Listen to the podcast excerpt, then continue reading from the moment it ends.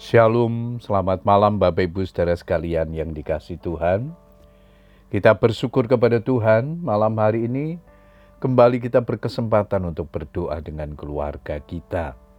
Setelah sepanjang hari ini kita menikmati segala kebaikan Tuhan, namun sebelum berdoa saya akan membagikan firman Tuhan yang malam hari ini diberikan tema deklarasi kemenangan.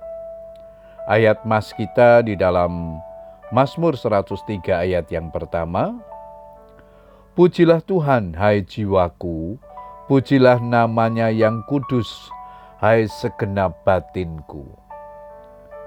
Bapak Ibu saudara sekalian, memuji Tuhan adalah cara meraih kemenangan dalam peperangan rohani.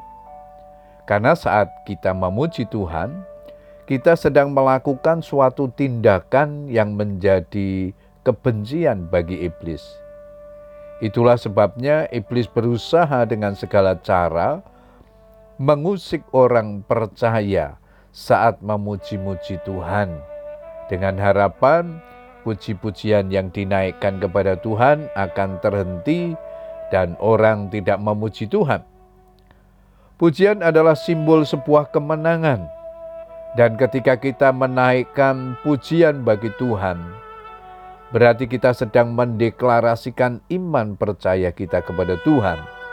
Saat itulah iblis akan melarikan diri dari kehidupan kita. Banyak orang Kristen kurang menyadari pentingnya memuji Tuhan, sehingga melakukan pujian itu hanya saat beribadah di gereja saja di luar itu mereka jarang sekali mau memuji Tuhan. Apalagi kalau sedang dihadapkan pada masalah dan kesulitan, mereka cenderung dikalahkan oleh situasi, kondisi, dan perasaan mereka sendiri. Ketika berada di dalam penjara dengan kaki terbelenggu dalam pasungan yang kuat, ketika tubuh masih terluka, saat itulah terdengar puji-pujian. Kira-kira tengah malam, Paulus dan Silas berdoa dan menyanyikan puji-pujian kepada Allah dan orang-orang hukuman lain mendengarkan mereka. Kisah 16 ayat 25. Dalam situasi yang berat, Paulus dan Silas mengangkat hatinya kepada Tuhan melalui puji-pujian.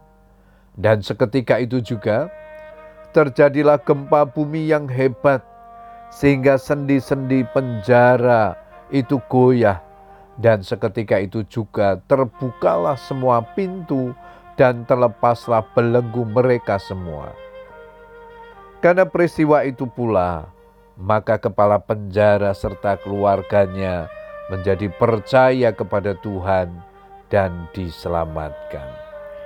Bapak Ibu Saudara sekalian, di dalam pujian terkandung satu unsur yaitu percaya. Seorang tidak akan memuji Tuhan tanpa ada alasan yang kuat, terlebih-lebih memuji saat kondisi sulit dan tertekan. Janganlah kita menunggu permasalahan itu selesai baru kita mau memuji Tuhan, melainkan tetaplah memuji Tuhan di tengah situasi yang tidak memungkinkan sekalipun. Karena saat kita mempersembahkan korban pujian bagi Tuhan, saat itulah roh Tuhan bekerja dengan dahsyatnya dalam kehidupan kita.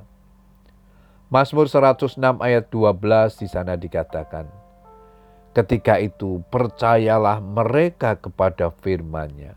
Mereka menyanyikan puji-pujian kepada Bapak Ibu Saudara sekalian yang dikasih Tuhan, biarlah kita terus belajar memuji Tuhan karena ada kuasa di dalam pujian. Di dalam pujian ada kemenangan, di dalam pujian ada pertolongan, di dalam pujian ada kesembuhan. Karena itu, janganlah berhenti untuk memuji Tuhan. Selamat berdoa dengan keluarga kita. Tuhan Yesus memberkati. Amin.